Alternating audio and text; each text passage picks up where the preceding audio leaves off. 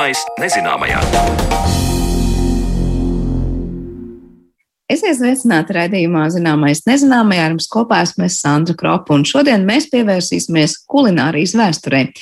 Nereti vien pārlapojot kādu pavāru grāmatu, redzam neparastu sēdienu nosaukumus, kur izklausās daudz smalkāki nekā to sastāvdaļas. Kāpēc mums patīk šādi kabaču kaviāri un bērnu šampanieši, un kā dažādos laikos viltot ne tikai ēdienu nosaukumu, bet pat pašas sastāvdaļas, par to jau pavisam drīz runāsim raidījumā. Taču pirms tam iepazīsim to, kā stiprināt emāli varētu īpaši biomateriāli. Cilvēka zobu emalija visu mūžu pakļauta intensīvai slodzei. Tā ar gadiem zaudē savu vērtīgo kristālu pārklājumu, kas padara to tik izturīgu. Kāds nesens atklājums norāda, ka sintētiskā zobu emalija ir spēcīgāka un izturīgāka par dabisko, kas ir cilvēka organismā spēcīgākais kaulu materiāls. Vai šāds biomateriāls varētu uz visiem laikiem mazināt zobu labošanu un bojāšanos, par to vairāk Zanes Lācis Baltāksnes sižetām. Jauna sintētiskā zobu emālija ir cietāka un stiprāka nekā dabiskā. Ar šādu skaļu virsrakstu interneta vietnē Saitech Daily par zinātnisko tehnoloģiju 6. februārī tika ievietots raksts par to, kā sadarbojoties ķīniešu un amerikāņu zobārstniecības speciālistiem ir izdevies radīt jaunu zobu emālijas analogu, kas izstrādāts, lai precīzi atdarinātu bioloģisko zobu cietā mineralizētā ārējā slāņa sastāvu un struktūru. Speciālisti apgalvo, ka jaunais materiāls demonstrē izcilas mehāniskās īpašības un esot daudz izturīgāks salīdzinot ar mūsu dabisko zobu emāliju. Vai šī ir revolūcija zobu labošanā? To noskaidrosim turpmākajās minūtēs, bet vispirms attālināti ierakstītā sarunā ar zobārsti Rīgas Stradiņu Universitātes zobārstniecības fakultātes docenti un pētnieci Ilzi Maldupu runāsim par to, no kā tad sastāv zobu emālija un kas ietekmē tās īpašības. Cietā daļa minerāls hidroksilapatīts, nedaudz olbaltumvielas un nedaudz ūdens. Tādas ir zobu emālijas sastāvdaļas. Vairāk par to stāsta Ilze Maldupa. Zobu emāli principā sastāv no hidroksilapatīta kristāliem. Tie, tie galvenokārt veido zobu emāls galveno masu. Tādi kristāli ir arī kaulos, bet tur viņi ir procentuāli daudz mazāk. Emālijā viņi ir ļoti daudz, pie 90%, un tad ir dažas olbaltumvielas un ūdentiņš pišķiņi. Tā kā ir mazliet arī tāda šķidrā vide, pa kuru var pārvietoties citi joni emālijā. Ja? Tāpēc nu, mēs varam kaut ko darīt, kaut ko aplicēt uz emālijas, un tas var ietekmēt dentīnu, jo tie joni var pārvietoties pa emāliju. Bet to stiprību un cietību nosaka galvenokārt šie hidrokslaptīti kristāli. Un viņi ir daži, kuri var būt mazliet vājāki, un ir arī tādi, kur var būt stiprāki atkarībā no tā, kādi joni viņiem pievienojas. Lielākā daļa jonu padara to klasisko, tradicionālo, pareizo hidroksilapatīta kristālu mazliet vājāku. Bet tieši fluorīdi joni ir vienīgie, kas viņu padara stiprāku. Tāpēc arī ir tas lielais zobārstniecība atklājums, ka regulāri piegādājot emālē fluorīdu, ja tad tie kristāli tiek viņiem pievienojās fluorīda jons un, un kļūst izturīgāki pret skābēm. Tātad flors tā ir viena no mūsdienās ļoti ierastām zobu pastas sastāvdaļām. Jā, zobu pasta ir viens no 20. gadsimta lielākajiem atklājumiem ar fluorīdu, tieši zobu pasta ar fluorīdu, jo um, līdz tai kāries pasaulē izplatījās nu, ļoti strauji. Praktiski visi cilvēki piedzīvoja kāriesu. Un uh, kopš uh, šī fluorīda atklāšanas un um, fluorīda satura zobastu ieviešanas šī izplatība mazinās līdz pat 60% atkarībā no dažādām populāciju grupām un uh, vecuma grupām. Kas nosaka to, ka vieniem cilvēkiem zobi ir stiprāki, bet uh, citiem tādi nav? Vai tā ir iedzimtība, ēšanas paradumi, mutes higiēna? Jā, nu, tur varētu būt dažādi ietekme, gan ģenētiska, gan vides ietekme. Un šī ietekme uz trīs galvenajām lietām. Viena ir zobē malija un zoba struktūra pati par sevi, ko noteikti lielā mērā ietekmē ģenētika, bet tā nu, plus mīnus visiem mums ir ļoti līdzīga. Kaut gan nu, tur varētu būt mazliet izmaiņas. Bet tas, ko vairāk ietekmē ģenētika un kur tiešām ir, ir konstatēts, ka ir lielāka nozīme, ir tieši siekalu sastāvā. Ir cilvēki, kuriem tās siekalas ir labvēlīgākas zobiem, un ir tādi, kuriem netik labvēlīgas zobiem. Un tā labvēlība izpaužas gan minerālu vielu sastāvā, gan tā trešā lieta, uz ko vēl ietekmē, ir mikrobioms mutē. Ja mums tās iekalas tā piesaista vairāk tās baktērijas, kas ir saistāmas ar veselu mutes vidi, tad mums nebūs bojāta zobi. Bet, ja piesaistās tādas, kurām patīk arī skāba vidu, un plus mēs vēl viņus pabarojam ar cukuru, tad tur aug daudz tāds mikrobioms, kurā pārņem šīs baktērijas, kurām patīk skābā vide. Līdz ar to zobi visu laiku atrodas skābā vidē un pamazām šķīst un bojājās. Sakiet, kā konkrēti tas fluors iedarbojas uz zobiem? Emālija, ja mēs viņu atrautu no zoba, ja, tad viņa būtu nemainīga. Ja, ja mēs vienkārši tāpat uh, nosusinātu zobu, kāds viņš tajā brīdī ir, tāds viņš ir. Bet tieši siekalas tā šķidrā vide nosaka to, ka emāla spēja būt mainīga. Un tā ir tā vieta, kur arī tas fluorīds darbojās. Ja, es visu laiku atkārtoju, bet vienkārši nav neviena cita viela, kur tādā veidā spētu aizkavēt to zobu šķīšanu. Ja. Un to jau izpētīja pagājušā gadsimta 70. gados ar tādu ļoti skrupulozu in vitro pētījumu, ja, kurā izmērīja, ka ja mēs izveidojam pat mākslīgi emāli, kurā ir ļoti daudz tie fluoru saturošie hidroksilapatīti kristāli, ko es teicu, ka viņi ir izturīgāki. Tā šķīšana pie vieglas skābes neatšķīrās no tādas emālas, kurā to fluoru hidroksilapatītu kristāli ir maz. Viņas abas divas emālas šķīda vienādi. Bet, ja mēs to skābi pie tā skābā šķīduma pielikām mazliet fluorīdu jonus, šķīšana ievērojami samazinās. Tas fluorīds šādā veidā aizkavē to šķīšanu, bet tikai tad, kad viņš atrodas šķīdumā. Tad tā emāla sastāvā ietekmē minerālu vielas un izdalītās skābes, kas atrodas ap zobiem.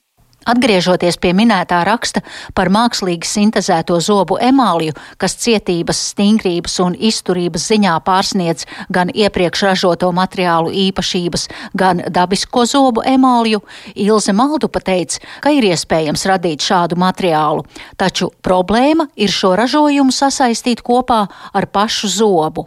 Gluži tāpat kā plombas, kas var būt no jebkāda materiāla, tomēr pēc laika tās mēdz no zoba atdalīties. Materiāls kā tāds varētu būt arī izturīgāks. Protams, var izveidot materiālu, kurš ir izturīgāks. Piemēram, metāls būs izturīgāks nekā zobe emālija. Nu, arī atkarībā no tā, kāds sakausējums ja, un, un kādu izturību mēs gribam. Vai mēs gribam, lai viņš ir trieciena izturīgs, vai mēs gribam, lai viņš ir uh, uz lietas izturīgs. Ja, tad tur arī atkarībā no tā būs dažādi šie materiāli. Bet problēma ir tā, ka šo materiālu pats par sevi neko nevar izdarīt, ja mēs viņu nespējam piesaistīt pie zoba. Un tas ir kompozīta materiāla lielākais trūkums, ir saitēšanas sistēma. Un, diemžēl vēl joprojām zinātnē nav atrisinājusi šo problēmu. Visas saites, kuras eh, zobārsts izmanto, lai piesaistētu plombi pie zoba, ar laiku šķīst. Tā tāpat kā no mutes mēdz izkrist eh, zelta, sudraba vai heliomateriāla plombas, tad tāpat arī šī sintētiskā emālija var atdalīties no zoba. Jā, vai nu izkritus, vai ir jāmaina, tāpēc, ka tur ir izveidojusies malas sūce, jā, ir pārkrāsošanās, ir, ir jauns bojājums blakus plombai. Bet, jā, restaurācijas nav visai dzīvē, diemžēl, tieši dēļ šīs saitēšanas vietas. Protams, atkal, ja mēs gribētu, ja mēs izmantotu šo materiālu un viņu piesētētu tikai pie zoba emālijas, tad vai nu tas būtu kaut kāds emāls defekts, kurš ir nu, vienkārši vizuāli nepatīkams cilvēkam, vai tas ir agrīns bojājums, kur nezinu, kāpēc. Nu, tur parasti šādās situācijās neliktu plombija, bet, bet nu, kaut kādu estētisku iemeslu dēļ varētu būt, ka, ka zobārsts grib piesaistīt materiālu piemālis. Tad tā nav problēma. Mūsdienu saites ir pietiekoši izturīgas, lai varētu piesaistīt. Tur zinātnē ir aizgājusi pietiekoši tālu. Šī saite piesaistē pie emālijas citu materiālu ļoti kvalitatīvi. Tā problēma ir tad, kad ir bojāts zobs, un, un bojājums vienmēr skar zobu iekšējo slāņu dentīnu, kurš piedod zobam to elasticitāti. Ja? Līdz ar to aizvietojot dentīnu, mums nav vajadzīgs atrast kaut ko ļoti stipru. Bet tajā brīdī dentīnā ir ļoti daudz relatīvi, ja salīdzinot ar emāliju, ļoti daudz ūdens un ļoti daudz uh, mitrums. Ja? Un šīs kompozīta saites nespēja vēl tikt galā ar šo uzdevumu. Pie dentīna līdz ar to mēs nevaram piesaistīt tik labi, lai tā restaurācija būtu mūžīga. Mēs šajā populāra zinātnisko raidījumu ciklā jau pirms pāris gadiem un reizi vien esam runājuši arī ar mūsu zinātniekiem par viņu izstrādātiem kaulaudu implantiem. Proti, ka ir iespējams izstrādāt biomateriālus kaulaudu atjaunošanai, e, sejas, mutes un žokļu ķirurģijā un ortopēdijā. Sakiet, vai var vilkt kaut kādas līdzības ar uh, rakstā minēto mākslīgo zobu emāliju un šādiem kaulaudu implantiem? Jā, nu, tad kaulaudi un zops tomēr abiem ir, ir viena liela atšķirība. Kaulaudi ir ļoti labi apasiņoti, un zobā ir tikai pašā zoba vidū ir, ir zoba nervs, kas ir tāda apasiņotā daļa, un dentīnā jau asinsvadu vairs nav. Un tad, kad nav mums asinsvadu, tad mēs nevaram šādā veidā nu, kaut ko ielikt un, un gaidīt, ka tas materiāls nu, pats pieaugs pie zoba ja kā tas varētu būt kaulu gadījumā. Tādēļ tur mazliet atšķirās šī bioloģija ja, un, un, un, un tas, kādi ir šie bioloģiskie materiāli kaulaudiem un, un kādi tie ir zobiem. Zobiem, diemžēl, nu, tā mēs vēl īsti neko tādu nevar iedomāties, kas varētu pieaugt pie zoba. Vienīgais var būt ar laiku, ar cilnu šūnām mums izdodas izveidot jaunu zobu aizmetni un ievietot kaulā, un lai viņš izaugtu no jauna. Tīri teorētiski tas vēl varētu būt iespējams. Bet tāpēc neviena restaurācija, ko mēs liekam, diemžēl nav visai dzīvei, un arī nu, nepietuvojas tai kvalitātei, kāda ir veselam zobam. Tā, pirmkārt, ir jācenšas noturēt zobi veseli, Un, ja zobi ir bojāti, ja, tad, eh, tad iesaku veltīt tam laiku un līdzekļus, un, un ka tā ir kvalitatīva restaurācija, kura nostāvēs pēc iespējas ilgāku, bet to, ka viņi nostāvēs visu mūžu, jā, to mēs neviens zobārsts nevar apsolīt. Tik tā par mūsu zobu veselību, bet redzījuma turpinājumā pievēršamies ēdienu vēstures pētījumiem.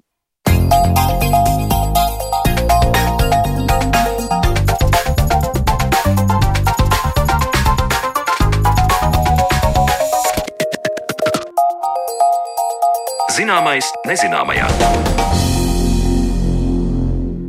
Ik pa laikam mūsu raidījumā mēs pievēršamies ēdienu vēsturei, un kāpēc gan ne, ja reiz ēšana ir tik būtiska mūsu dzīves sastāvdaļa. Tā ir ne tikai ikdienas nepieciešamība, bet arī svētki, status apliecinājums un tradīcija. Šodien mēs skaidrosim, kāpēc šur tur pavāra grāmatas sastopam dažus viltojumus, ēdienus, kur izklausās daudz smalkāk nekā tie patiesībā ir.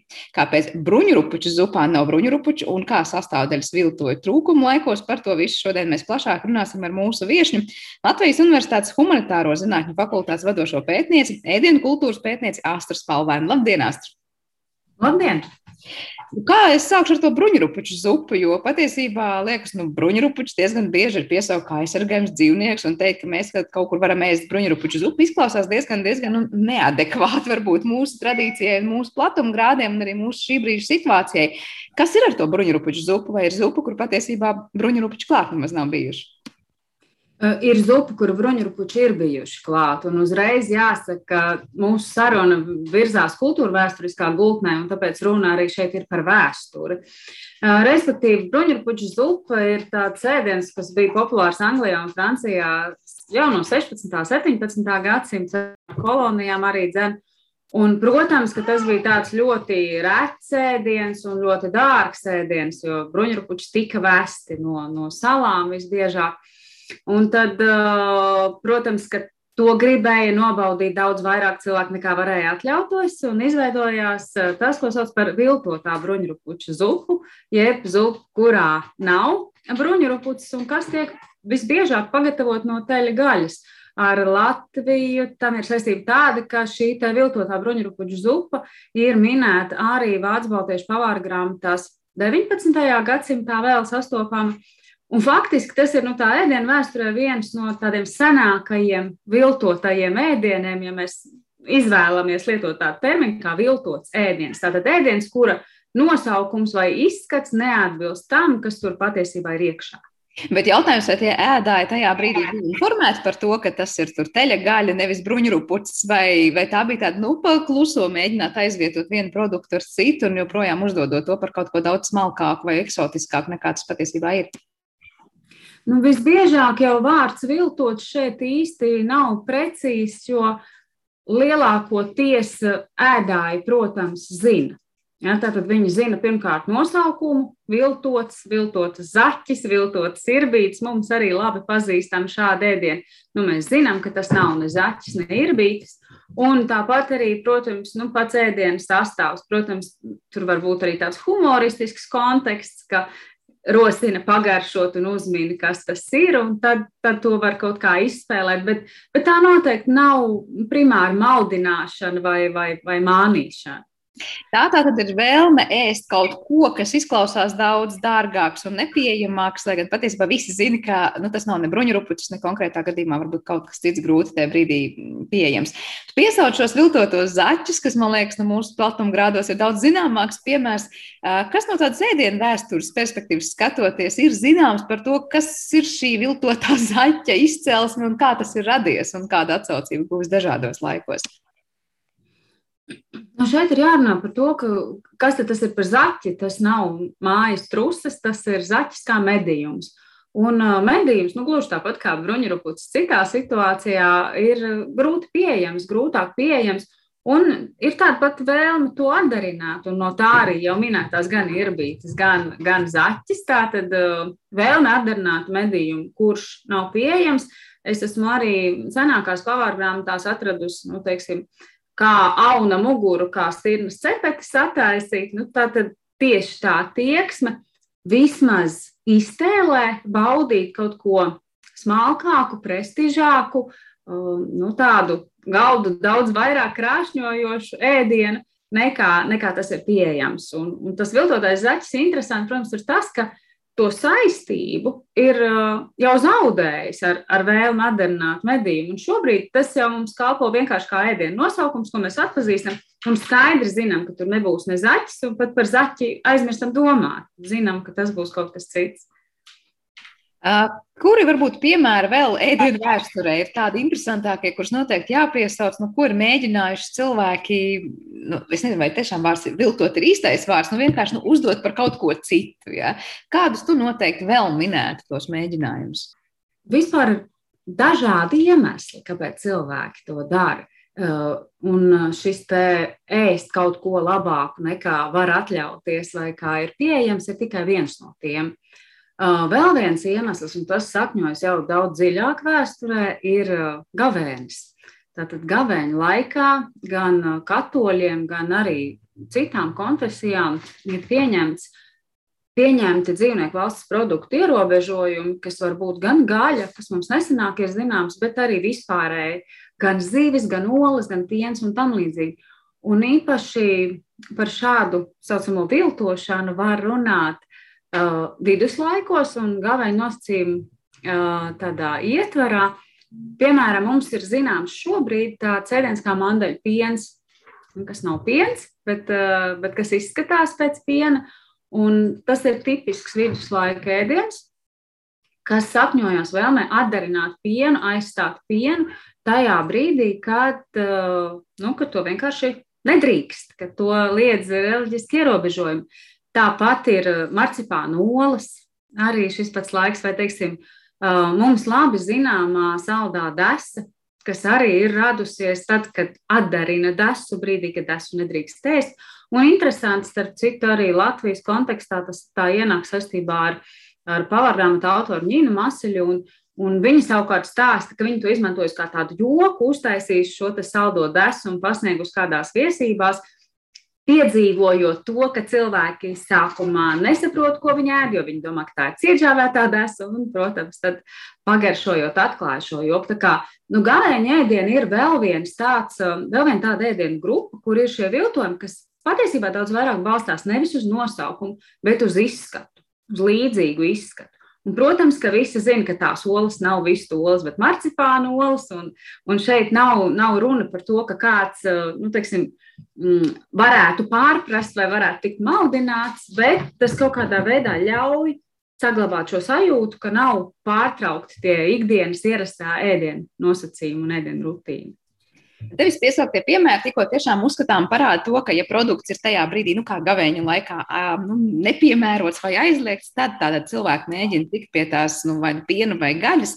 Kā ir ar to trūkuma laika? Droši vien vēl viens aspekts, kurā paskatīties, kādus tad ēdienus cilvēki mēģināja, nu, atkal uz, uzdot par kādiem citiem, un kur tur bija tie galvenie produkti, kas varbūt atrada dzirdīgas ausis un kādas radošas risinājumus. Trūkuma periodos, protams, ir uh, mēģināts atdarināt ēdienus pēc, pēc dažādām pazīmēm.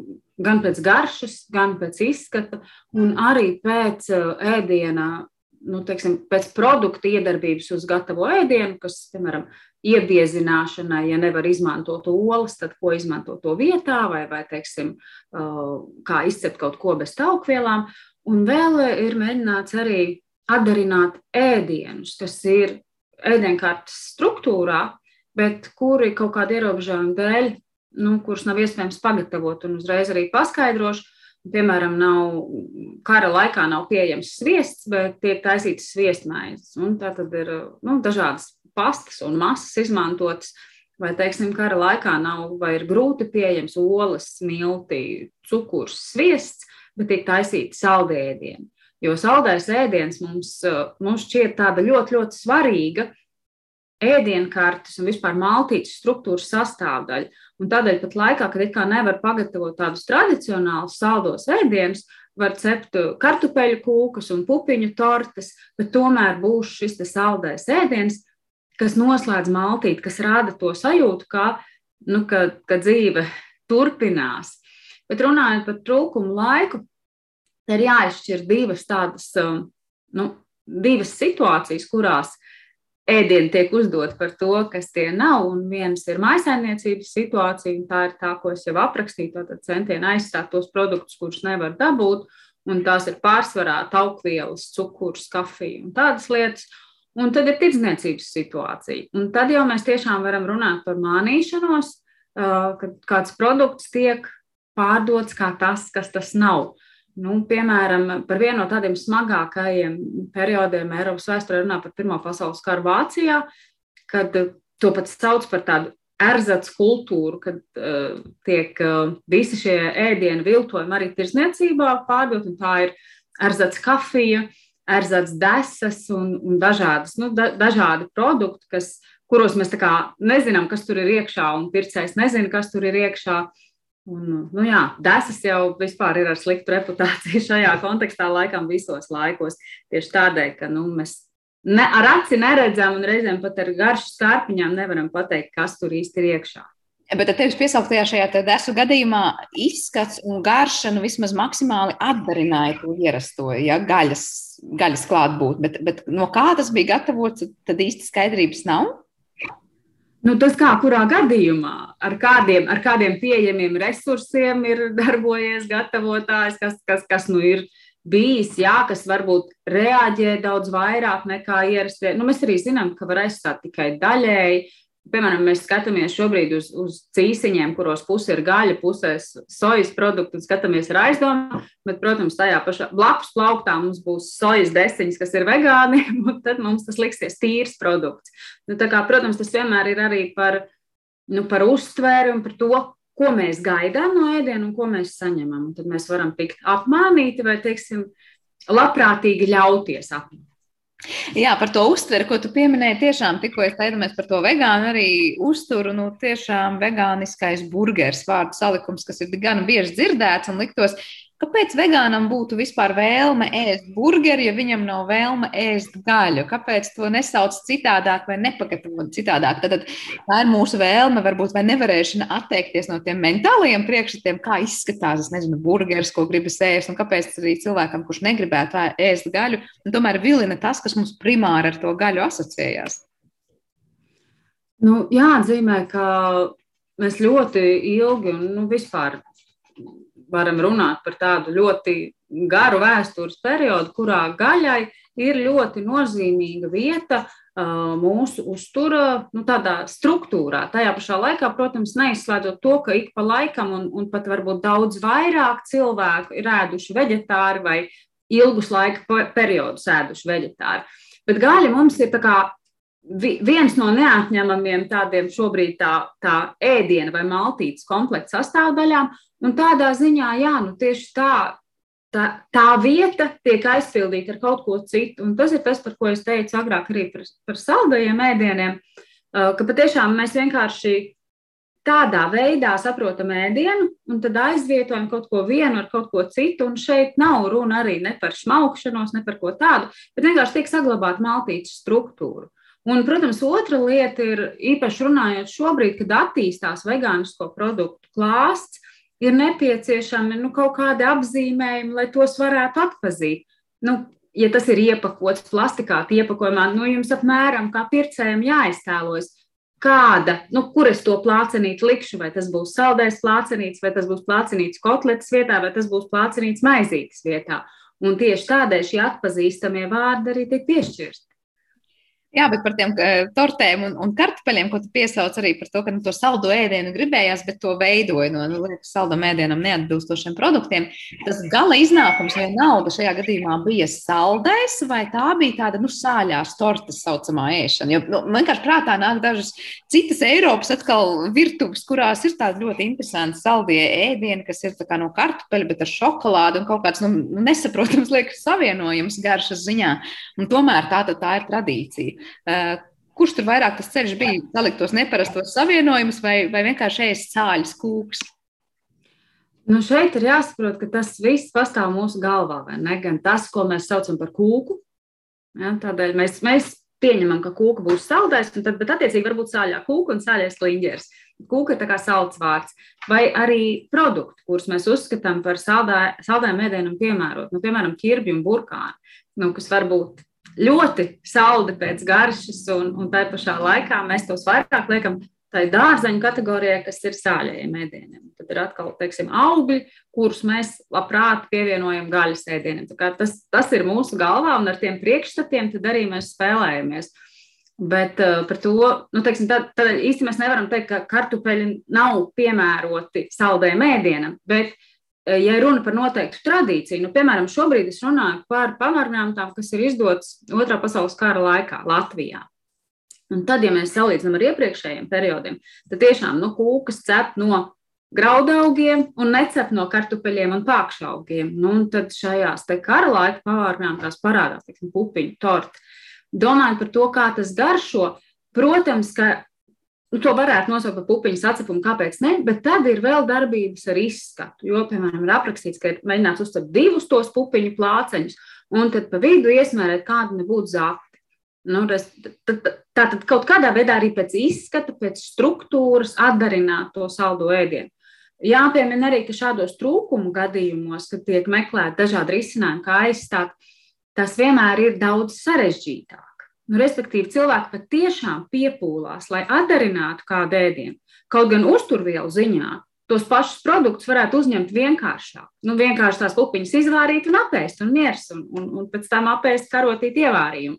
Bet tas, ka tas mums ir nepieciešams emocionāli, to parāda šīs te papildus rūpes, papildus piepūli, ko, mēs, ko, ko cilvēki ir gatavi ieguldīt, lai atdarinātu tos ierastos ēdienus. Nevēl tā kā saka, nu, pietrūkst tāds punktiņš uz zīvē, ne pēc tās maltītes, un tad cilvēki ir gatavi piepūlēties, lai tādu radītu pat no tām izēvielām, kuras tiešām, kā teica, vieglāk būtu tāpat uzturvielu dēļ apēst. Ir vēl viens piemērs, kurus noteikti vēlos tev pavaicāt. Man vienmēr ir fascinējis šis nosaukums, tātad kabaču kaviārs, kur liekas, kāpēc no kabačiem ir vēlme aizdomāties līdz kaviāram, un vai patiešām tas kabats, nu, kaut kādā brīdī gan vizuāli, gan garšas ziņā kādam to kaviāru ir atgādinājis. Kas mums ir zināms par šī ēdiena izcelsmi un kad un kā tas ir radies? Nu, par izcelsmi es nepateikšu uzreiz, kad tas ir radies. Nu, skaidrs, ka tas ir lietots no arī, teiksim, Krievijā rēdienas baklažānu kaviārs vai ikri, ja to varam saukt, un mēs lietojam kabaču kaviārs. Nu, es to esmu sastapusi pavāra grāmatās arī starpkara periodā, gan ne agrāk, bet starpkara periodā esmu sastapusi un tālāk arī padomu laikā. Tas ir diezgan, diezgan izteikti lietots. Nu, man šķiet, ka tur ir mazliet runa par struktūru, kas pašam kabacim varbūt nav tik raksturīga. Un tad tā, tā atkal piepūle, lai, lai viņu tomēr nu, izmaltu un padarītu tādu graudainu, jau, jau pagatavotā veidā. Tā piepūle uh, norāda, un arī pats vārds kaviārs norāda, nu, neviens ēdājs jau nedomā, ka tas ir kaviārs. Un, un mēs arī nosaukumā lietojam to kabaču kaviārs. Uzreiz jau ir skaidrs, ka tas nekas cits nevar būt. Bet tas varbūt arī norāda nu, gan uz to sajūtu, ka tev gribās uzlikt svētku galdā kaut ko labāku, bet arī uz to, ka tur tiešām ir pielikta piepūle, lai to ēdienu pataisītu citādāk, un, un arī tādēļ tas kaut kādā mērā, nu, varbūt top vērtīgāks. Bet ir jāņem vērā vēl viena lieta, ja runā par ēdienu nosaukumiem, ka to funkcija ir arī tāda, ko es minēju jau par, par vegānu ēdieniem, ka nepazīstamās lietas, nezināmās, nebaudītās iepriekš lietas, mēs mēģinām ar nosaukumu palīdzību izstāstīt tādu iepriekš pieredzētā izteiksmē, pielīdzināt kaut kam zināmam. Nu, piemēram, kabaču kaviārs ir viens, tad uztaisīts neparasts cēdiens no kabačiem, un tādā veidā tiek nosaukts, lai mēs saprotam, kā tas garšos. Nu, teiksim, bērnu sulu šampanietis. Ja, kas ir izdarīts ar bērnu sulām? Mēs varam iedomāties, tās ir dzirkstošas, un, protams, papildus ir otra dimensija, ka tās ir nu, svētku dzēriens, un tam tiek piedots uzreiz tāds svinīgums. Tad arī, lai atpazītu, nu, piemēram, latviešu valodā daudz kaut kādi jauni produkti vai jauni dārzeņu ienāk gurķi, tos nosauc par krievu āboliem.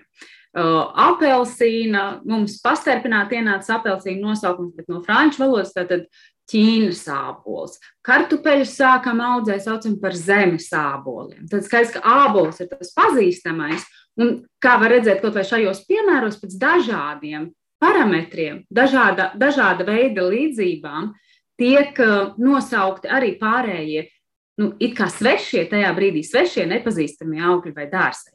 Un tāds pats mehānisms darbojas arī piešķirot citiem ēdieniem, jauniem, nepazīstamiem ēdieniem nosaukumus.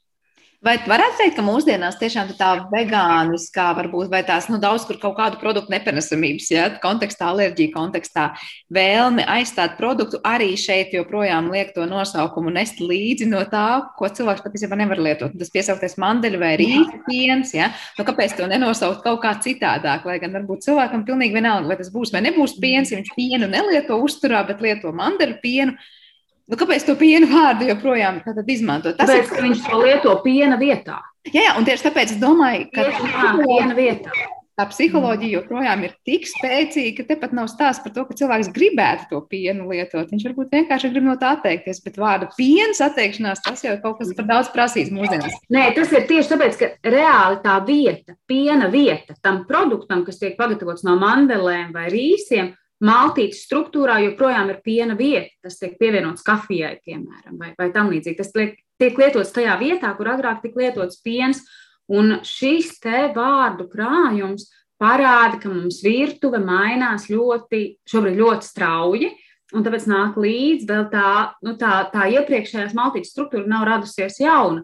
Bet runājot par pienu, protams, ir jāpiemina arī, ka Eiropas Savienība ir noteikusi, ka piena produktus, piena produktu nosaukumus, tādus kā piens, sviests, jogurts, paniņas, sirs, nevar attiecināt, nedrīkst attiecināt uz produktiem, uz augu valsts produktiem, kas nesatur pienu. Tā kā mēs redzam, ka šeit tas arī nav tik vienkārši nu, tādā tirdzniecības kontekstā mēs nemaz nevaram vairs piešķirt nosaukumus tā, kā mums ienāk prātā. Tam ir arī savi ierobežojumi. Jā, tā kā nesen, nu, salīdzinoši nesen runājām par šiem krējuma izstrādājumiem, tad laikam, ja kurš mandeļu piens būtu jāsauc par mandeļu piena izstrādājumu, ja tā pavisam nu, korekti. Nu, šobrīd jau tam ir arī dažādi ir dzēriens un, un, un tam līdzīgi apzīmējumi, jo tiešām nu, var pievērst tam uzmanību, ka šos vārdus nedrīkst lietot. Par to, kā nedrīkst lietot, man liekas, vēl vārds šampanietis tiešām ir iz, nu, ļoti izvērties daudzās diskusijās. Te jau pieminēja arī bērnu sulu šampanieti kā vienu no piemēriem. Nu, vēl populārāk liekas bērnu šampanietis, jā, liekas, kurš nav uzaudzis ar šo vārdu salikumu. Kā ir šeit, cik lielā mērā, nu, es saprotu, ka vīnu industrija ļoti skatās, kuram reģionam kādu vārdu drīkst, nedrīkst pielietot.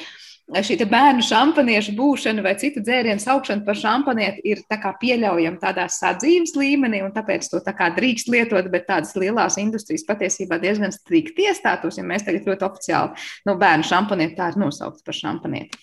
Jā, tie ir aizsargāti produktu nosaukumi, un tas, ir, tas ir regulēts likumdošanas līmenī Eiropas Savienībā. Patiešām mēs nevaram lietot šos produktus, kā mums ienāk prātā. Bet ar šampanieti tas ļoti interesantais stāsts ir par padomu šampanieti. Nu, tā saucamais latviešu apzīmēja šo dzērienu. Un, un diskusiju, kas ir bijusi arī Rīgas šampaniešu ražotājiem, un Rīgas šampanieti joprojām mēs varam redzēt, ka ir etiķete ar nosaukumu Rīgas šampanietis. Nu, protams, rodas jautājums, kādēļ tā. Un, uh, Pēc ilgstoša sarunu procesa ir panākts, ka šo dzērienu ar nosaukumu Rīgas šampanietis mēs varam, ir iespējams tirgot Latvijā, tādēļ, ka ir pierādīts, ka vārds šampanietis Latvijas iedzīvotājiem ir sugas vārds. Tad viņi ar to nedomā konkrētu dzērienu, bet vienkārši kaut kādu tipu. Bet šo pašu dzērienu nedrīkst eksportēt ar tādu nosaukumu. Tad ar vārdu Rīgas šampanietis šo dzērienu drīkst pārdot tikai Latvijā, tikai iekšējā tirgū. Un patiešām šādā veidā tiek aizsargāti produktu nosaukumi. Um, jā, te var runāt par viltojumiem, uh, jo produkta izgatavošana paredz noteiktu procedūru, noteikts, nu, bieži tas ir saistīts arī ar izcelsmes vietām, gatavošanas tradīcijām. Un tad, protams, šī produkta kvalitāte tiek aizsargāta, un šobrīd tas notiek Eiropas Savienības līmenī, nu, lai, lai nodrošinātu kvalitāti, un, protams, arī tās ir nu, tādas uzņēmējdarbības cīņas. Kā ir ar parmezānu sieru? Es saprotu, tas ir nākamais piemērs, kur arī ir ļoti strikti jāskatās, kurā reģionā sieras tiek ražots, tad, ja tas ir vienkārši cietais sieras, tad nedrīkst tā vienkārši nosaukt par parmezānu. Vai tas šobrīd ir spēkā. Vai... Parmezāns sieras ir noteikts nosaukums, kas atbilst vienam noteiktam pro produktam. Un uh, to var atdarināt, un, protams, ka cieto sieru nosaukumi ir daudz un dažādi, bet pat cenšoties atdarināt parmezānu sieru, protams, ka šo nosaukumu tirzniecībā nevar lietot. Bet, nu, jāsaka gan, ka šādu produktu ir ļoti daudz.